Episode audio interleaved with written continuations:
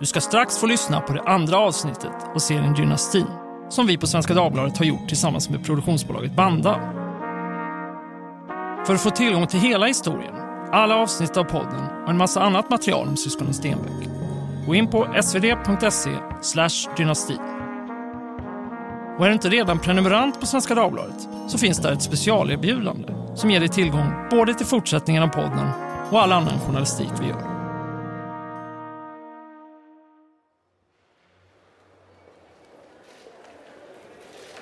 Det är tisdag eftermiddag den 20 augusti 2002.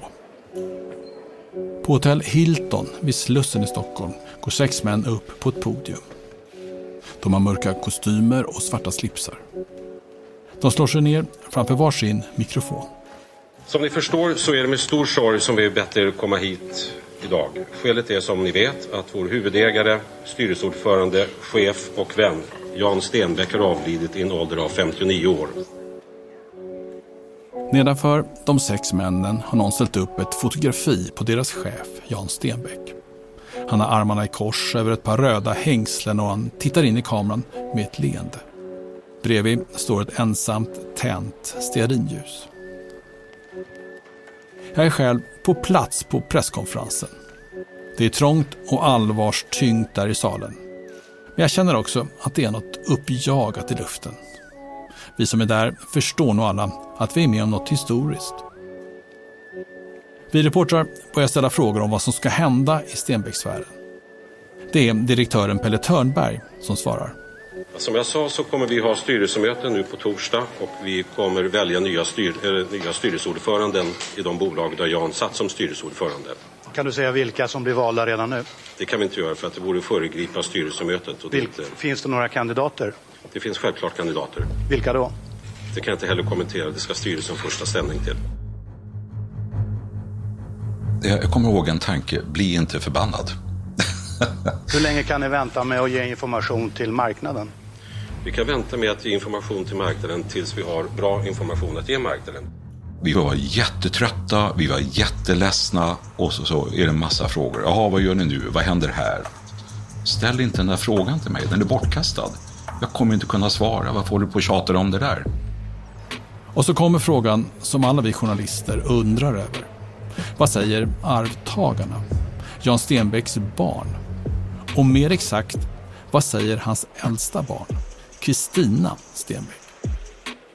Tele2-direktören Lars-Johan Jarnheimer är den som svarar. Kristina eh, poängterade redan efter några timmar efter sin fars bortgång att eh, vi måste säkerställa alla pappas intentioner och eh, strategier och att de fortlever utan något uppehåll. Business as usual. Business as usual. 20 år senare, när jag pratar med folk som var där, är det de tre orden som alla kommer ihåg från presskonferensen. På den här presskonferensen sa vi business as usual och att vi hade planer för hur det här skulle handhas om vi skulle råka ut för en sån situation. Vi hade ju ingen aning. Vi satt ju med post-it-lappar i, i bilen ner. Och Sophie Stenbeck, Jan Stenbecks yngsta dotter, reagerar över ordvalet redan då. It was sort of like, really? Business as usual? Like, how is this usual? Ingenting kunde vara mindre vanligt än att Jan Stenbeck inte längre finns. Svenska Dagbladet och Banda presenterar Dynastin. En serie i sex delar berättad av mig, Jan Almgren.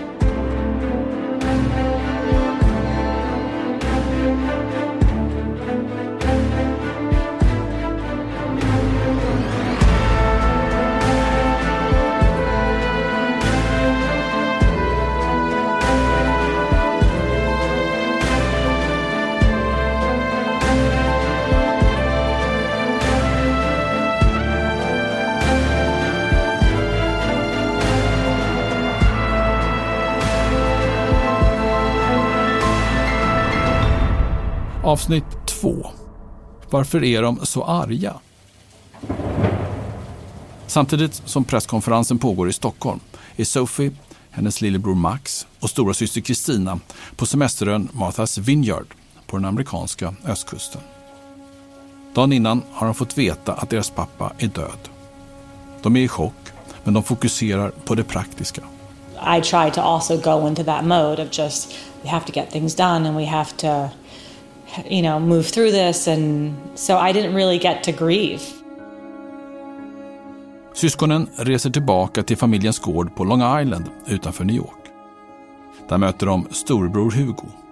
And I remember we had no clothes, we only had summer clothes and we had to get to Sweden where it was already cold in August and we had no black clothes.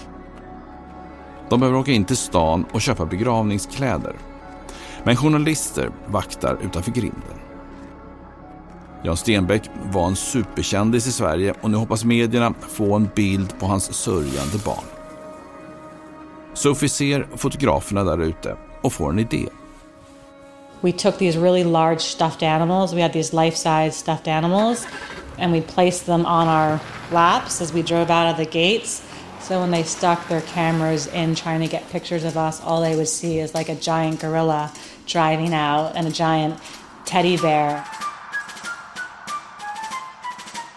När syskonen lämnar familjens gård är det enda som syns genom bilrutorna två jättelika gosedjur. And for me that was my dad's sense of humor. Like it was also my version of like fuck off, you know. Um, you're not going to get a good picture. You're not going to capitalize on this time. But that was also like what he would have done. Um, it was just very silly. Dagen därpå lämnar de fyra barnen USA och flyger till Luxemburg. Där, på den så kallade farmen, möter de ett nytt pressuppbåd. When we got there, they were waiting there outside that gate. There was actually even more photographers. I felt honestly gross. Sophie är blyg och har aldrig gillat uppmärksamheten som hon och hennes familj brukar få i Sverige. Nu känner hon sig både instängd och jagad. Och hon blir förbannad när lillbror Max fastnar på bild. They even got a picture of like Max through the kitchen, like with a telephoto lens. Like we couldn't even go in the back of the house.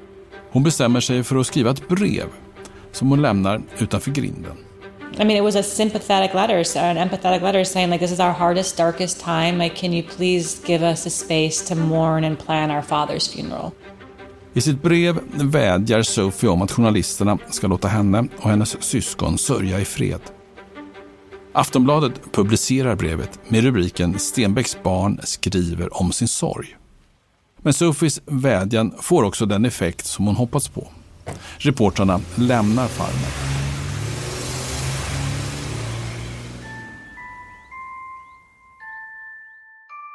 Syskonen Stenbeck är unga allihopa. Max är 17, Sophie 22, Hugo 23 och Kristina 24. Nu har de fått ett av Sveriges största affärsimperium i knät. Och de är amerikaner, inte svenskar. Kristina är den enda av de fyra som pratar svenska. Samtidigt är de inte vilka 20-åringar som helst. Sedan tidig ålder har de skolats av sin pappa i hur man gör affärer.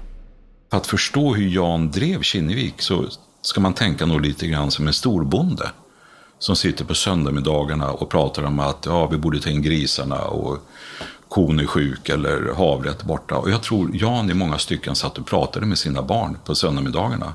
Som en bonde pratar om sin eh, bondgård, pratade han om Kinnevik med dem. Direktören Pelle Törnberg. Så de var ju liksom nära, de var med på årsmöten och eh, vi kände varandra väl. Det är just Pelle Törnberg som tar hand om Kristina Stenbeck när hon i tonåren får en traineeplats på MTG i Stockholm. MTG står för Modern Time Group och driver bland annat tv och radiokanaler och gratistidningen Metro. Om jag minns rätt så har jag för mig att när hon skulle jobba på radion så Eh, ville hon inte heta Stenbeck för det förstod hon också att det skulle, så man fick hitta på något annat namn. Och jag tror hon hade fått låna Jans gamla Porsche när hon kom till jobbet första dagen. Och det är klart, eh, det var väl inte sådär eh, helt trovärdigt att vi skulle anställa en engelsktalande ung tjej som åker Porsche till jobbet som underbetald säljare på radioavdelningen. Och det är ingen slump att journalisterna på presskonferensen efter Jans död frågar om just Kristina.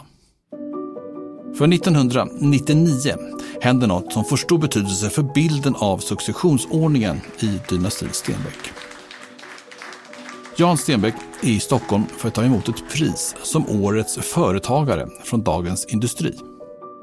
Vid prisutdelningen har han med sig Kristina och säger till journalisterna citat, det är hon som ska ta över. Men hur genomtänkt är Jans utspel? Pelle Törnberg är mer än där dagen.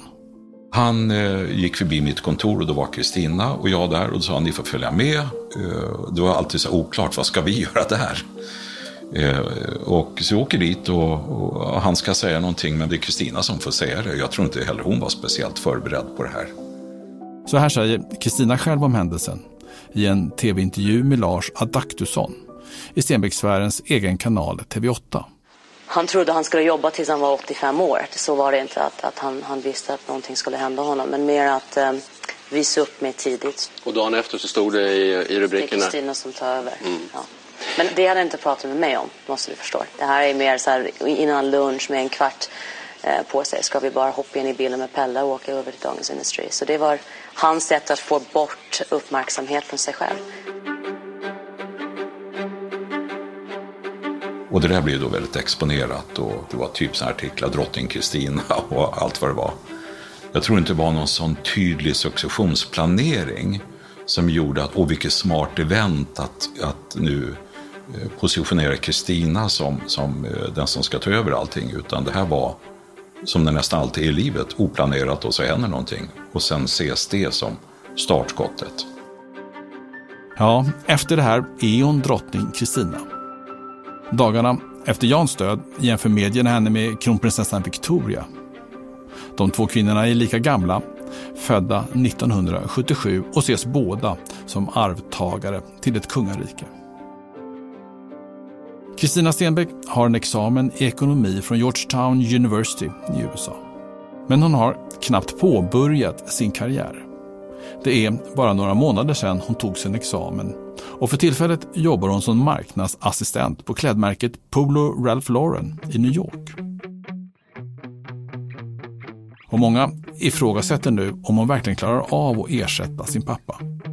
Vilken pondus har hon bland dessa ganska tuffa Stenbeck-direktörer som man brukar prata om. Just inom medieområdet finns det många exempel på att det som imperiebyggare har skapat sällan överlever sina grundare. Flera bedömare menar att hon är för ung för att axla manteln efter sin karismatiska fader redan nu. Men vill Kristina ens ta över? De som möter henne under de här dagarna får snabbt svar på den frågan. Jag kommer att träffa Kristina när hon kom upp till Stockholm första gången. Och eh, då hade jag kanske en speciell roll. Några dagar efter Jans död flyger Kristina upp från Luxemburg till Stockholm och Kinneviks huvudkontor på Skeppsbron. Där träffar hon Anders Fällman. Mm. En lång, tunnhårig jurist som gjort snabb karriär i huset.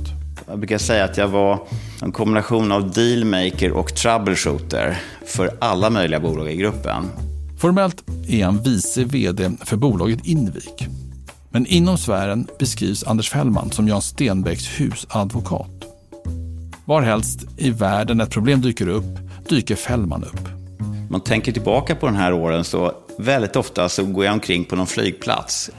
Olika personer ringde mig, kunde vara Jan, kunde vara någon av vdarna och säga vi behöver det här, åk dit. Och säga, vad är det nu? Jag är i Paris, jag ska åka dit. Nej, du ska, vi har bokat om din biljett, åk dit istället. Du ska vara i Helsingfors, ska lösa någonting. Antingen var det ett avtal, eller var det någon tvist, någonting hade hänt, jag ska dit och hjälpa dem att förhandla. Han uppskattas inte av alla inom sfären. Amerikanerna kallar ju det för för att det är en angel of death som kommer från huvudkontoret och man vet att när, när dagen är slut så kanske det kommer innebära att vdn har fått sparken och liknande. Allting handlade om lös problemen, keep it rolling, gå vidare. Ska man tro Anders Fällman är han den enda, förutom Jan Stenbeck, som kan förklara hur bolagen i den snåriga företagsgruppen är kopplade till varandra. De här direktörerna visste ju mycket om sina bolag. Men de visste egentligen inte hur Jans ägande hängde ihop och alla finanserna.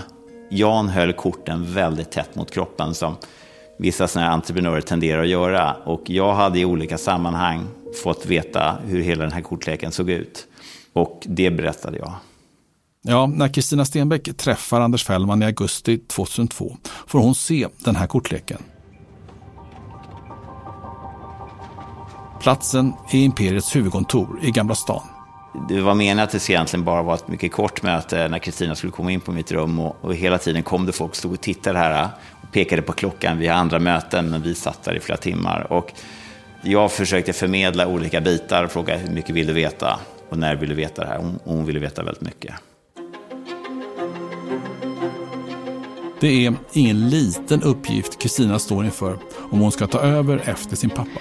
Jan Stenbeck var en av Sveriges rikaste personer och känd för att vara extravagant. Stor entreprenör sa vissa, struntade i svenska arbetsmarknadsregler sa andra. En av Sveriges mest omstridda och geniförklarade personligheter. I rapporteringen efter dödsfallet kallas han för brutal och hänsynslös. En ibland vildsint maktspelare. Många tår har krossats, ja, rent av hela fötter. Men han sägs också ha varit genialisk och varm. Mycket hjärta, mycket humor.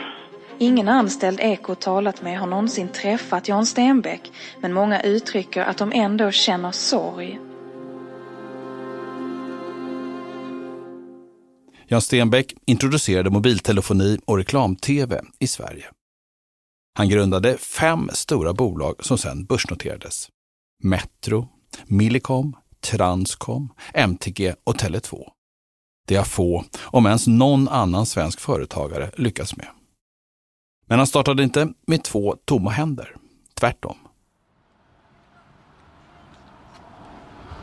Ska vi gå in? Ja, gör vi det. In i berget.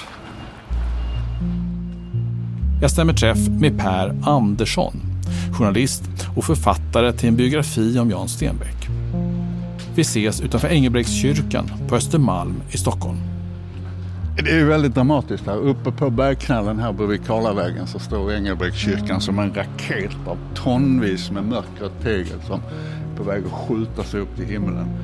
Och så nere i berggrunden i gatuplanet så finns en liten dörr diskret in som det känns som bara de invigda känner till den. Columbarium, Engelbrekts församling Columbarium. Vi går in här.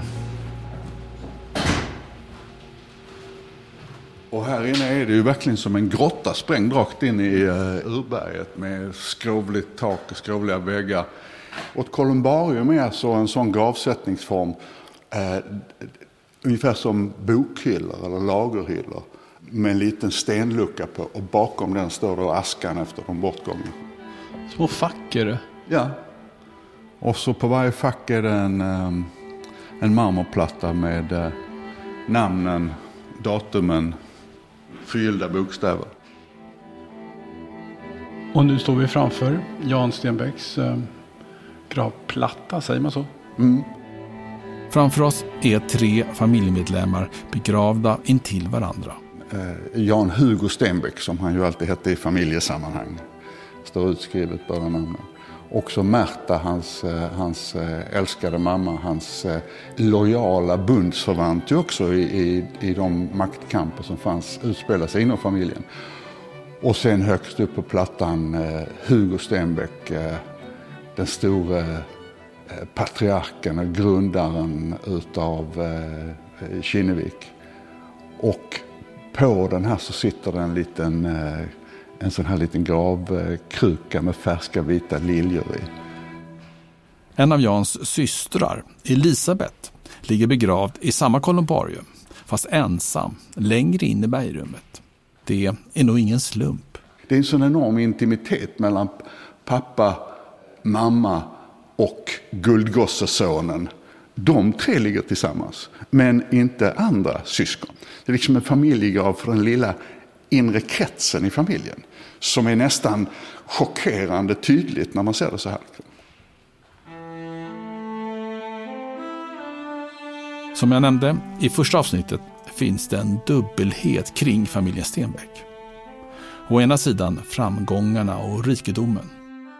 Å andra sidan ett mörker som gång på gång kastar sin skugga över familjemedlemmarna och påverkar händelseutvecklingen i deras liv. Kanske kan man säga att allt börjar en junimorgon i Stockholm för hundra år sedan.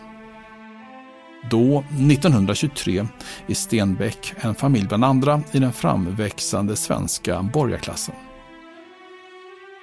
Den unga Hugo Stenbeck, som alltså senare ska bli Jans pappa, är anställd på en känd advokatfirma med kontor vid Norrmalmstorg i Stockholm. Men Hugos chef, Erland Lagerlöf, är inte sig själv. Några år tidigare har både hans bror och hans son dött i en båtolycka i skärgården. Och den här sommarmorgonen på kontoret orkar han inte mer. Erland Lagerlöf kastar sig ut från femte våningen. Och kvar står då den unge, framåtsträvande, hungrige juristen Hugo Stenbeck och får ta över den här firman. Jag menar, vad skulle han göra? Det är väl ganska enkelt och naturligt att han jobbade vidare med företaget som han på det sättet fick ärva. Liksom. Men det är klart att det har bidragit till den här skurkrollen som, som ju målades ut verkligen åt gammel-Hugo Stenbeck. Ja, Gammel-Hugo, som han kallas i familjen, ska under hela sin karriär omgärdas av rykten. En del hävdar till och med att han är en företagsplundrare. Det påståendet uppstår i samband med ytterligare ett självmord i hans närhet. Ivar Kryger, känd som den svenska tändstickskungen, bygger upp en stor internationell koncern. Men det visar sig vara ett luftslott. 1932 tar Kryger livet av sig i en lägenhet i Paris. Aktierna i Krygerkoncernen blir värdelösa och tusentals svenskar ruineras. Gammel-Hugo har varit rådgivare åt Ivar Kryger och efter självmordet blir han ledamot i den kommission som granskar Krygers affärer. De går igenom kvarlämnade dokument och spränger hans låsta kassaskåp. Här någonstans blir Hugo Stenbeck en tacksam syndabock. Det går rykten om att han på olika sätt berikat sig själv i samband med kraschen. Fanns det någon sanning i alla de här envisa ryktena kring att Hugo Stenbeck skulle på något sätt eh, tillgodogjort sig eller tjänat någonting på eller spelat något fult spel i Krügerkraschen? Jag tror inte det. Jag, jag la ner så mycket med det jag kunde på att försöka reda ut det. Och jag, min uppfattning är att det är utrett i botten att även om det på, i sin samtid upplevdes som chockerande och omöjligt och otänkbart eh, så var det faktiskt så att Krüger-imperiet kraschade för att han hade drivit det till, eh, till ruinen. Eh, men det var ju den typen av händelser som väcker en massa konspirationsteorier. Men om det inte är från Kryger, var får då gammel-Hugo Stenbeck sina pengar ifrån? De som gör att han kan bygga upp ett affärsimperium. Husadvokaten Anders Fällman han var en av Sveriges mest framgångsrika affärsjurister. Och då fanns det knappt, han var en av de första som var affärsjurister i Sverige. Han råder sina klienter inte bara med juridiken, hur man ska formulera på grund av att ta hänsyn till någon viss lag, utan han också guidar dem ganska hårt vilka affärer de ska göra. Och där är ju historien den att två av hans klienter, det är de här adelsfamiljerna Klingsborg och von Horn som har ärvt mycket tillgångar. De är rika och de har också involverat sig i ett antal affärsverksamheter. De kommer till honom för att få hjälp och det visar sig att han har en enorm förmåga att hjälpa dem att förädla de här tillgångarna. Efter en ovanligt lyckad affär, där Hugo Stenbeck hjälper familjen att sälja ett sockerraffinaderi, erbjuder de honom att vara med och starta ett investmentbolag. Och då står man vid sjön Vänern i Kinneviken, som det heter. Där ligger två stora gods som familjen Klingsborg har. Där börjar det. Man tittar ut över viken och säger att nu är vi kompanjoner. Året är 1936 och Kinnevik ser dagens ljus. Sex år senare föds Jan Stenbeck. Då är gammel-Hugo redan en bit över 50 och familjen har blivit en del av Stockholms verkliga överklass. De bor i en 11-rummare på Villagatan på Östermalm och Jans två äldre systrar umgås med prinsessorna i kungafamiljen. Jan är en rätt typisk lillebror. Lekfull och sin mammas favorit. Ingen tror nog att han ska komma att bli familjens överhuvud. Efter gymnasiet pluggar han först juridik i Uppsala, sen ekonomi på Harvard Business School. Och i början av 1970-talet börjar han jobba på Morgan Stanley i New York och får ansvar för investmentbankens verksamhet i Mellanöstern. Jan Stenbeck gör under sin karriär ytterst få intervjuer. Än mer sällan pratar han om sig själv. Men när han är värd i radioprogrammet Sommar berättar han om sitt 70-tal i New York. För mig var det en fantastisk tid. Jag mötte kungar, presidenter, prinsar, vapenhandlare, spionchefer och vanliga miljardärer. Och deras brokiga svansar av vänner, familjer, bodyguards, rådgivare, bedragare, hallickar och fnask. Jag var 26 år gammal och kunde dansa nästan hela natten och jobba hela dagen. Men sen så tog de glada dagarna på Wall Street slut. Hemma i Sverige har Jans äldre bror tagit över som VD för Kinnevik. Han heter också Hugo och kallas för Hugo Junior. Men deras pappa, Gammel-Hugo, är inte nöjd med sonens insatser. Gammel-Hugo har alla möjliga synpunkter. Hugo Junior börjar dricka och får allt svårare att sköta sitt uppdrag. Och mitt i allt detta får han dessutom cancer.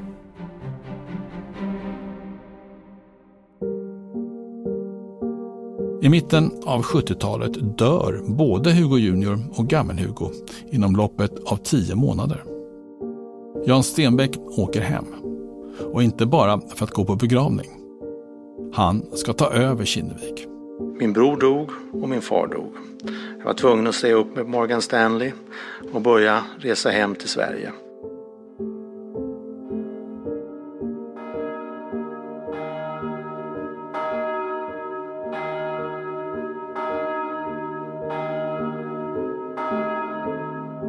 –25 år senare, fredag den 30 augusti 2002, sitter en lapp på porten till Storkyrkan i Gamla stan. Det står stängd för konsertrepetition. I själva verket är det en begravning som ska äga rum. Och den här gången är det för Jan. Lappen på porten är hans barns idé. Because it kept getting printed in the newspaper where we were having the funeral. And it was being leaked by the the weirdest places. We had no idea how they kept finding out when and where. I think we planned maybe three different locations. We were just determined to have that privacy. Klockan är lite efter 17 när biskop Caroline Krook inleder ceremonin. Med på begravningen är också Lotar, Jan Stenbecks bassethund. Han som ylade där på trappan utanför farmen i Luxemburg kort innan dödsbudet. So sad. His dog didn't want to leave his coffin, which is like so heartbreaking. Stenbecks barnens gamla nanny och hennes gospelkör har flugits in från USA. The woman who raised us from South Carolina with my, my parents, uh, her church group flew in and sang all of my dad's favorite songs. He loved gospel music. De sjunger bland annat en av Jans favoritlåtar, Midnight Train to Georgia.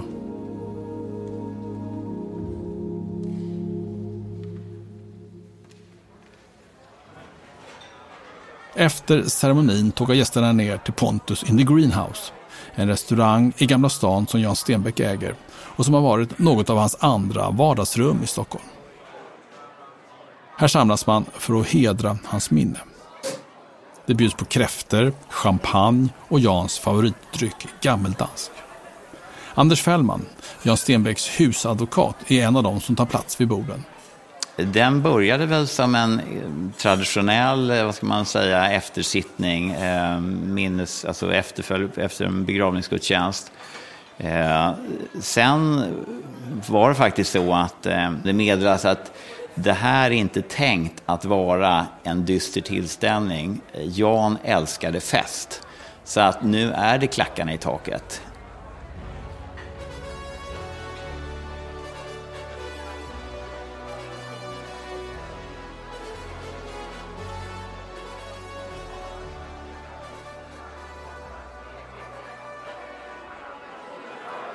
Snart ekar metalbandet Europes hit The Final Countdown genom gränderna. Och festen kan börja. Det var allt ifrån att eh, någon till exempel ungefär som man gör på en Formel 1-tävling tog en champagneflaska och sprutade eh, champagne runt omkring och liknande. Så att, eh, det var nog till och med så att man fick renovera restaurangen efteråt. Skicka dit målare för att bättra på.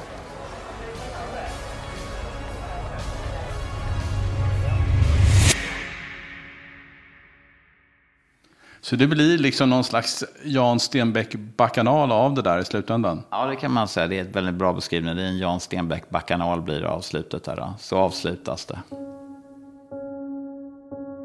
En bakanal var under antiken en vild fest till vinguden Bacchus ära. I det här fallet får man anta att guden är Jan Stenbeck. Men barndomsvännen Carl Fredrik Schele, Kegge, känner inte för att släppa loss den här kvällen. Nej, det var ingen rolig begravning. Jag minns att många uppförde sig illa där. Många chefer, det var pinsamt. De söp så in i helvete, tog in så mycket kaviar och sprit som var stupfulla, de här chef, många chefer. Va? Och det, jag vill inte nämna namn, va? men, men det var, det var alltså läskigt att se. Det var ju en begravning det här. I den stunden känner Kegge med barnen, Kristina, Hugo, Sophie och Max. Där sitter barn och gråter medan de där börjar ragga på servitriser och tar av sig och kavlar upp ärmarna och bara ställer in mera sprit hela tiden och sånt där. Tills de raglar omkring. Och, ja, det var alltså mardröm var det. Och se barnen sitta där helt förgråtna och frun och de sitter och bara super och skrattar och håller på och raggar på servitriser och grejer. Patrask! Men husadvokaten Anders Fällman har en helt annan bild av barnens roll under festen. Det stämmer absolut inte. De var absolut med i festandet. Det är inte så att, att andra festade på något sätt på deras bekostnad, utan tvärtom var det så att de stod på bordet och just påtalade att det var så här det skulle genomföras. Och även Sophie Stenbeck säger att hon minns det som en fin kväll. People tried to bring his spirit into a celebration. He wouldn't have wanted us sitting around um, crying. Direktör Lars-Johan Jarnheimer däremot tror att festen hade gjort Jan besviken. Jag är övertygad om att Jan hade tyckt det var för lite klackarna i taket om han hade varit med.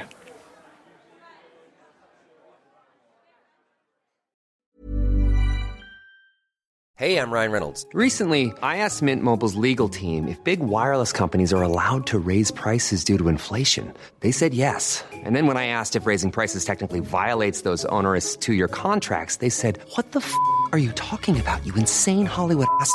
So to recap, we're cutting the price of Mint Unlimited from $30 a month to just $15 a month. Give it a try at mintmobile.com slash switch. $45 up front for three months plus taxes and fees. Promoting for new customers for limited time. Unlimited more than 40 gigabytes per month. Slows. Full terms at mintmobile.com.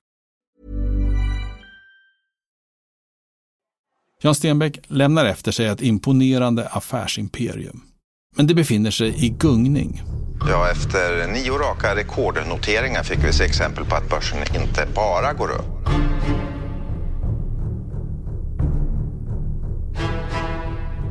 När Jan Stenbeck dör är börsen i efterdyningarna av en historisk krasch. Den så kallade IT-bubblan. Jonas Birgersson lämnar nu Framfab. Det är ett företag och en bransch i kris han lämnar. Det har varit ännu en svart dag för IT-aktierna på Stockholmsbörsen. De sju börsnoterade internetkonsulterna förlorade totalt över 8 miljarder förra året och hittills är över 1500 personer uppsagda. Hypade internetbolag som nyss var högt värderade har störtdykt i värde. Och Stenbecksfären har dragits med i fallet. Vi var ju väldigt ifrågasatta. Eh, och det gick dåligt för bolagen och, och vi, var, vi var pressade. Några Stenbecksbolag är särskilt illa ute. Det säger MTG-direktören Pelle Törnberg. Millicom var besvärligt, därför hade vi väldigt stora lån eh, och jag tror räntorna åkte hit och dit. Och det var generellt sett problematiskt för MTG också. Och vi hade startat för många bolag och, och de slukade pengar. Och när då pengarna tar slut så är det väldigt besvärande. Kort efter Jan Stenbecks död händer det som inte får hända. Bankerna knackar på dörren. Bankerna har frågor om ekonomin och om de lån de har beviljat sfärens bolag. Husadvokaten Anders Fällman bevittnade hela på nära håll. Jag var själv med på en sån här stor telefonkonferens eh, mellan de olika bankerna när de skulle diskutera om till exempel ett stort lån skulle sägas upp. Och det där är någonting som man som låntagande bolag absolut inte vill ska inträffa. Bankerna hotar alltså med att säga upp lånen. För mig som näringslivsjournalist är det här sprängstoff. Ett indraget lån i ett pressat läge riskerar att utlösa en negativ spiral. Det kan vara början på slutet för ett företag. Att Kinnevik var så illa ute har de inblandade aldrig tidigare berättat. Förutom det så fanns ju också situationen att eh, måste vi nu kalla till extra bolagsstämmor i alla bolagen? Eh, hur gör vi det? Då öppnar man upp för ett fientligt övertagande. Helt plötsligt så blir det en situation där vi blottar oss eh, mot elaka eh, människor som vill stycka upp Kinnevik och köpa delar. Så det var sådana realiteter vi också måste fundera på. När Kristina Stenbeck sitter där med Anders Fällman på deras första möte på Kinneviks huvudkontor försöker han förklara alla de här problemen som hon nu måste hantera. För som Anders Fällman redan har märkt råder det ingen tvekan om att de faktiskt vill ta över sin pappas roll. Det är klart att det var viktig information för henne att veta eh, precis de här olika sakerna och min bedömning vad hon behövde göra. Och samtidigt ska man komma ihåg att det var ju väldigt jobbig situation för henne. Jag menar, hon hade precis förlorat sin far eh, och är naturligtvis i chock. Eh, och samtidigt så är det ett enorm förväntan på att hon på något sätt ska tala om för alla, hur gör vi nu? Anders Fällman har inte alla svar, men han kan lotsa Kristina Stenbeck genom snårigheterna. Han blir en sorts mentor, säger han. Det kommer innebära att vi ibland tillbringade hela dagarna tillsammans från morgon till kväll. Eh, gå på olika möten där hon ska få vara med och lyssna, träffa olika personer. Och eh, det brukar sen avslutas med att vi satt på någon restaurang någonstans och hon tog en cigarett och jag tog en drink och avslutade kanske en 14 timmars dag där hon liksom säger Anders, vad handlade de här mötena om? Vad vill alla de här människorna? Varför är de så arga? Anders Fällman och Kristina Stenbeck pussar ut efter en intensiv dag av möten. Miljardimperiet är i gungning. Ingen vet vad som händer nu. Men varför är alla arga? Och vad förväntar de sig att Kristina ska göra? Eh, dotterbolag som gick med stora förluster kanske inte skulle få fortsätta längre. Och eh, investeringar som var kanske väldigt lovande för framtiden men som vi bedömde inte vi hade råd att fortsätta skulle avslutas. Och eh, då ville ju alla naturligtvis att, att dottern Kristina skulle tycka till i den här frågan och inte bara direktörerna. Så att det, det, var en del i att hon måste få träffa de här personerna och de kanske var arga därför att jag eller någon annan faktiskt sa att det här bolaget stänger vi ner.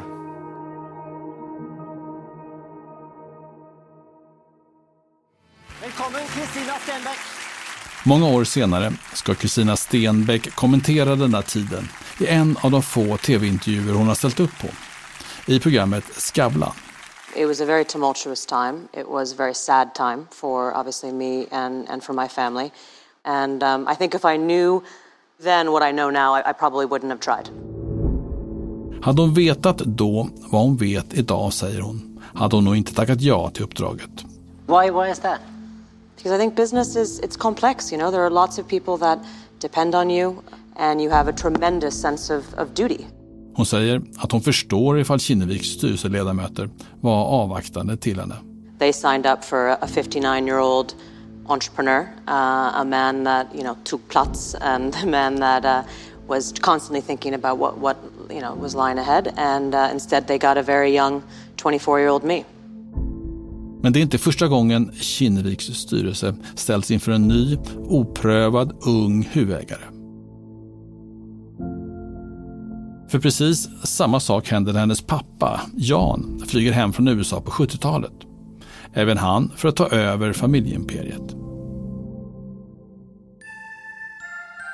Författaren Per Andersson har fastnat för ett fotografi som finns i bolagets årsredovisning från 1978. Runt styrelsebordet sitter äldre män i pomaderade hår och tunga, mörka kostymer. Bergsingenjören den och den och civilingenjören si och så och teknologidoktor de andra i styrelsen. Och så mitt ibland och så sitter Jan med sitt långa hår och en eh, fluga. Och den ser så jäkla stor ut och som den är i ett mjukt eh, sammetstyg. Och den faller så som en, som en gammal eh, romantisk kravatt. Liksom. Den är så otroligt jäkla elegant. Och den bilden är verkligen en fantastisk bild av guldgossen, söndagsbarnet, framgångspojken som alltid lyckades med allting. Liksom, och som, som hade ett sånt enormt självförtroende. Utåt håller Jan Stenbeck låg profil. Han smiter in bakvägen på bolagsstämmorna och gömmer sig i bänkraderna för att undvika journalisternas frågor. Tidningarna liknar honom vid den mytomspunna och folkskygga skådespelerskan Greta Garbo. Det imperium som Jan Stenbeck ärver liknar knappast det som han långt senare ska lämna över till sin dotter. Kinnevik sent 70-tal är en industrikoncern med klassisk svensk inriktning på stål och skogsbolag. Men Jan tycker det är tråkigt med stål och skog. Han vill satsa på fräckare grejer. Yuppies, fat cats and beautiful people in expensive cars with telltale antennas. Cellular car phones, a new and expensive status symbol.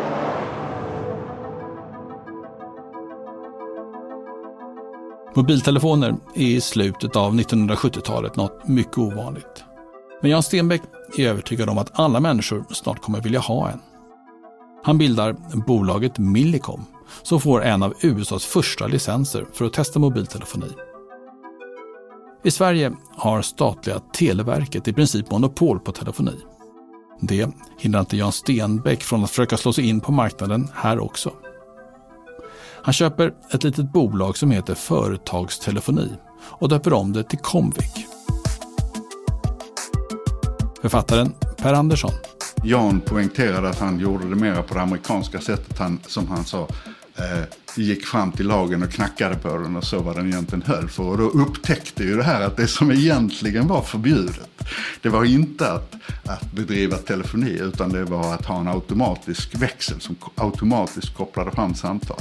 Och då, eh, eh, som Jan Stenbeck sa, då anställde vi en tant och lät henne sitta och trycka på en röd knapp varje gång ett samtal skulle kopplas fram.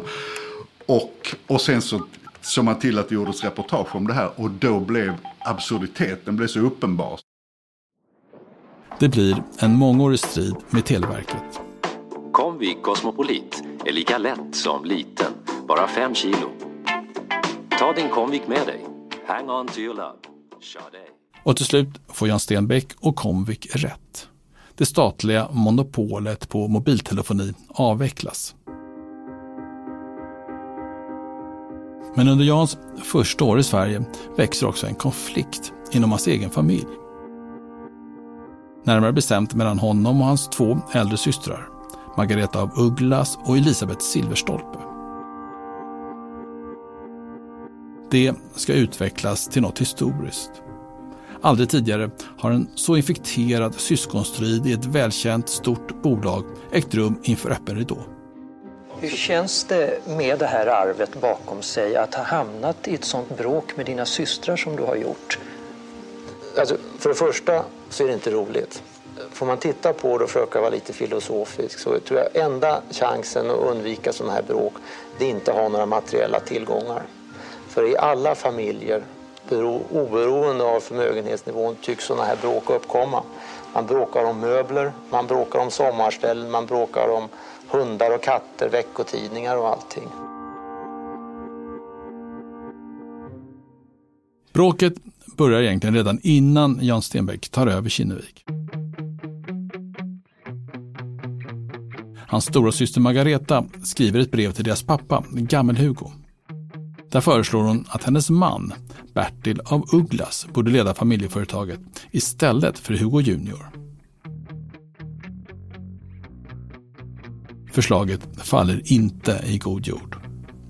Bertil av Ugglas är släkt med familjen Wallenberg som Gammel-Hugo betraktar som bittra konkurrenter. Nu stämplar han Margareta som illojal och tvingar bort henne från styrelsen i Kinnevik. Och Hugo Junior testamenterar i sin tur alla sina aktier till Jan. Det här är viktigt. Det innebär nämligen att när Hugo Junior och Gammel-Hugo dör så äger Jan Stenbeck hälften av aktierna i familjens ägarbolag. Det som kontrollerar Kinnevik. Margareta och Elisabeth äger andra halvan. Det blir mamma Märta som får utslagsrösten om vem som ska styra. Och hon tar Jans parti. Konflikten kulminerar i en bolagsstämma på biografen Draken i Stockholm. På skyltarna utanför står texten Jan Stenbeck i Staying Alive. Bion visar nämligen filmen Staying Alive med stjärnan John Travolta. Och Jan har sett till att Travoltas namn har bytts ut mot hans eget.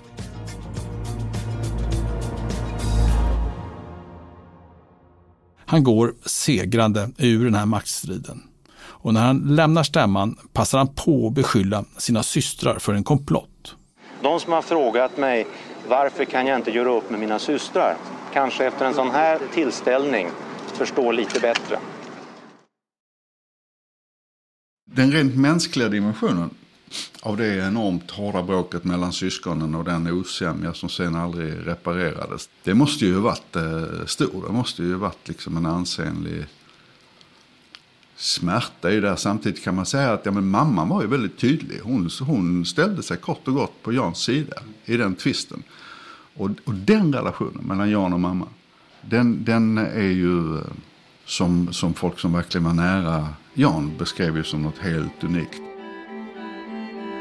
Ja, mamma Märta.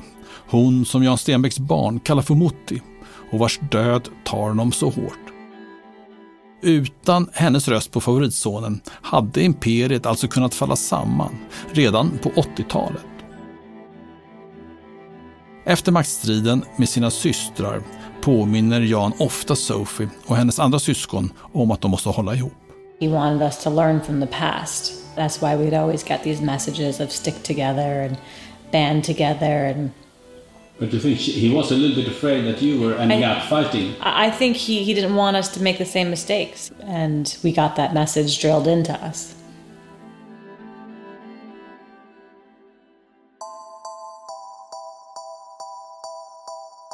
I mitten av 80-talet genomlider barnen Stenbeck en nervös jul i den schweiziska skidorten Gestad. Jan Stenbeck har blivit delägare till en satellit som nu ska skjutas upp. I think it was around 1986. And I remember we it was right around Christmas time. We were in our pajamas. We were in Switzerland and we were watching the live feed of a satellite go up. And I remember distinctly him telling us kids, if this satellite doesn't go up, kids, uh, no more Christmas in Gestad, no more presents under the tree. And he was I think joking, but I remember be, as a six year old being like, please, come on. And this thing went up. Det blir fler jular i Alperna. Det blir fler julklappar. Satelliten skjuts upp som den ska och lägger grunden för Jan Stenbecks nästa stora satsning. Sveriges första reklamkanal, TV3, 1987. Även det gör Jan Stenbeck trots att reklam-tv inte är tillåtet. Den här gången kringgår han lagen genom att sända från London. Frågan man ska ställa sig är naturligtvis, behöver vi reklam i TV? Har svenska folket begärt att få reklam i TV? Nej. Men det är inte bara fräckheten i att kringgå lagen, utan också innehållet som provocerar med TV3. I slutet av 80-talet finns det bara två kanaler i Sverige. TV1 och TV2. Välkomna till mitt eh, hem och min trädgård och inte vilken trädgård som helst. Eller hur, Ole? Eftermiddagsprogrammen börjar klockan 13 med det blandade magasinet eh, Träffpunkt Jugoslavien. Ikväll så gästas vi av en rörmokare som älskar att stryka. För att inte tala om fem hempermanentade flyktingar från Upplands Väsby och Umeå. TV3 är något helt annat. Välkomna till Tutti Frutti, kära vänner och välkommen du också lilla människa, vad nu var du hette. Sluta kasta, sluta kasta grejer. Och det är ett stort nöje för mig att få presentera SM i lavemang. 1993 gästas ett av TV3s program av den så kallade pruttomanen, Paul Oldfield. Right, we're going to sing Happy Birthday.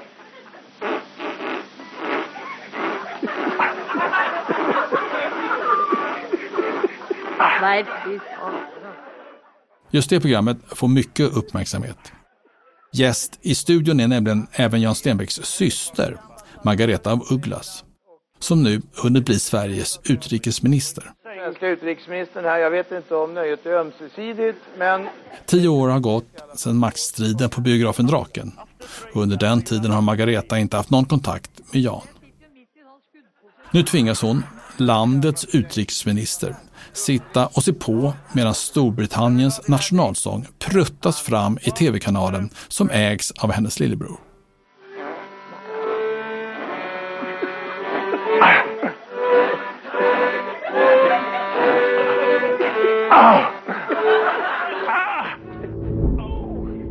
Jan Stenbeck fortsätter att starta nya mediebolag som månadstidningen Z, kulturtidskriften Moderna Tider och gratistidningen Metro. Men det är inte många av bolagen som går med vinst. Jag jobbar själv på ett Stenbecks-företag i slutet av 90-talet, Finanstidningen. Och jag minns hur det skrivs och snackas om Stenbecksfären. Jan Stenbeck är en kul typ en frisk fläkt i svenskt näringsliv. Men är han framgångsrik? Läser man affärstidningarnas aktieanalyser är svaret nej. Många beskriver Stenbecks bolagsbyggen som en sorts lekstuga som egentligen bekostas av Kassakon, skogsbolaget Korsnäs, som är kvar sedan Gammelhugos tid.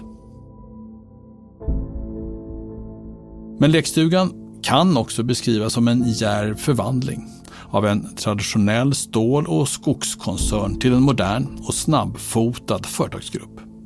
En förvandling som förebådar vad hela Sverige snart ska komma att genomgå. Det menar författaren Per Andersson. Alltså 1900-talet byggde sina företag för evigheten. Liksom. Man tänkte sig verkligen inte att de skulle ersättas. Och han står ju då mycket mer för en slags eh, kreativ förstörelse. Liksom, ehm, ständigt i rörelse. Det som har blivit ju ett fullständigt etablerat normaltänkande, inte bara i näringslivet utan i vanliga Svensson-människors liv. Ingenting är beständigt, allting förändras hela tiden. Liksom. Jan var en av de första som verkligen proklamerade detta. I efterhand är det uppenbart att Jan Stenbeck var en framgångsrik företagsledare, oavsett vad skeptikerna sa. Och även Kristina ska komma och motbevisa dem som ifrågasätter henne. Och det går faktiskt snabbare än vad man skulle kunna tro.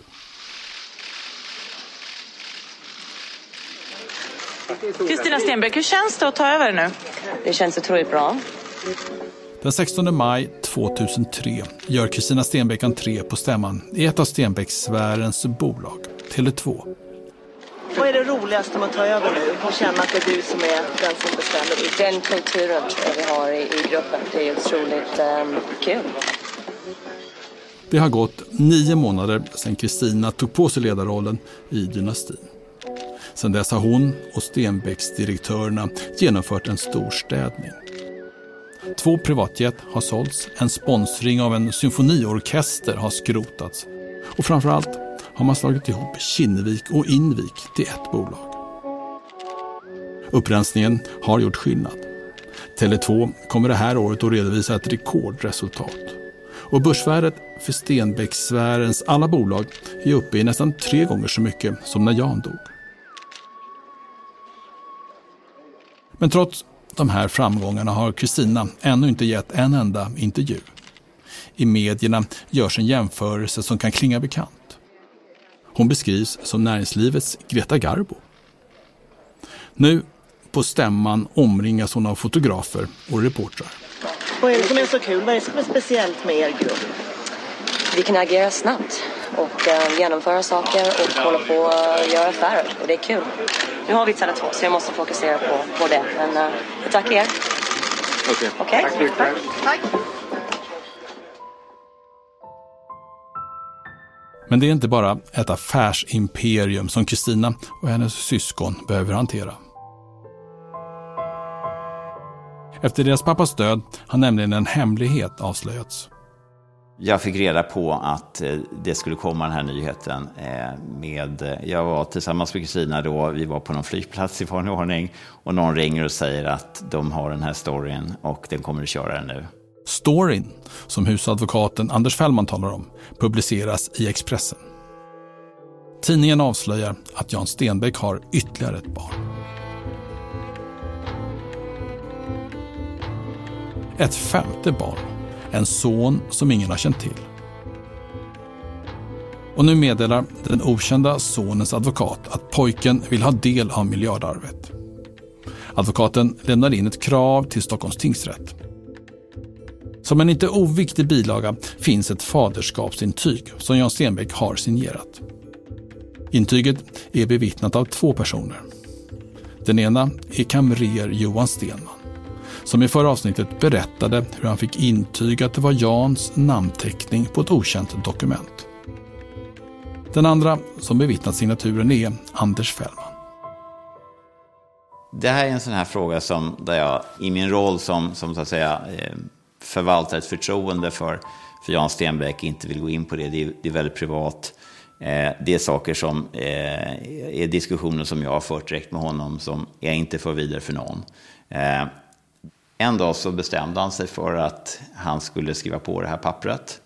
Eh, och så att jag tog fram den här blanketten och eh, jag skrev på den och sen skrev en annan medarbetare på den här också och så fick han den. Så att eh, eh det är så mycket jag kan säga.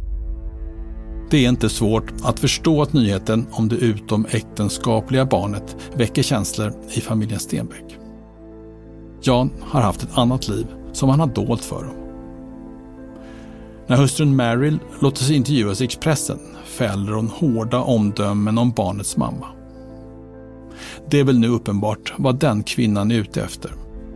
För henne handlar det bara om pengarna, säger hon till tidningen. Men när jag idag talar med Sophie Stenbeck, då säger hon att hon reagerade på ett helt annat sätt. I didn't appreciate finding out that way. but I didn't feel like this sense of anger or anything. I felt like that's kind of cool. Um, there's another one of us out there. I de kommande avsnitten av Dynastin. Jag har varit medveten om min andra familj hela tiden. Liksom. Och jag plötsligt träffar mig en person därifrån. Det är liksom, ah, kolla! de finns! Man kan väl se det både som en tragedi och som en, som en fantastiskt gloriös hjältesaga. Är du förvånad över dagens besked? Ja, det är jag absolut. Mångmiljardären Hugo Stenbeck valde att sjösätta sin segelbåt i Karibien istället för att åka till Malmö och presenteras som hockeylaget Redhawks nya majoritetsägare. Då, liksom, promenaden genom huset upp till det här rummet, så blev jag ju väldigt, blev jag väldigt nervös. Det här är, är, är mer eller mindre vansinnigt risktagande och bara kan sluta i fördärv i princip. And I was like, these are really miserable humans. Like, wow. Um, jag skulle bara vilja kolla några personuppgifter. Mm. Um, det gäller en Kristina Stenbeck. What? Couldn't believe it. Första tanken, men vem ska leda det här då? Det blir som ett förarlöst flygplan lite grann. Det kan landa var som helst. Mitt mål var, fuck it, jag donerar bort allt när jag fyller 18. Liksom, jag vill inte ha något med den här skiten att göra. Alltså 2,64 är ju långt, långt över gränsen för grovt rattfylleri. Och det är ju för att man är en livsfara både för sig själv men även för alla andra. Han där borta, han ska du akta dig för. Han håller på med sånt där nykterhet och sånt. Jag var rädd att svara i telefonen mitt i natten för jag kunde tro att det skulle vara polisen som ringde. That's what doesn't make sense to me. Har du träffat Kristina någon? Pass. Du har hört andra avsnittet av Dynastin. En följetong från Svenska Dagbladet och Banda. För att läsa mer om familjen Stenbeck, se bilder från deras privata fotoalbum och mycket mer, gå in på svd.se dynastin.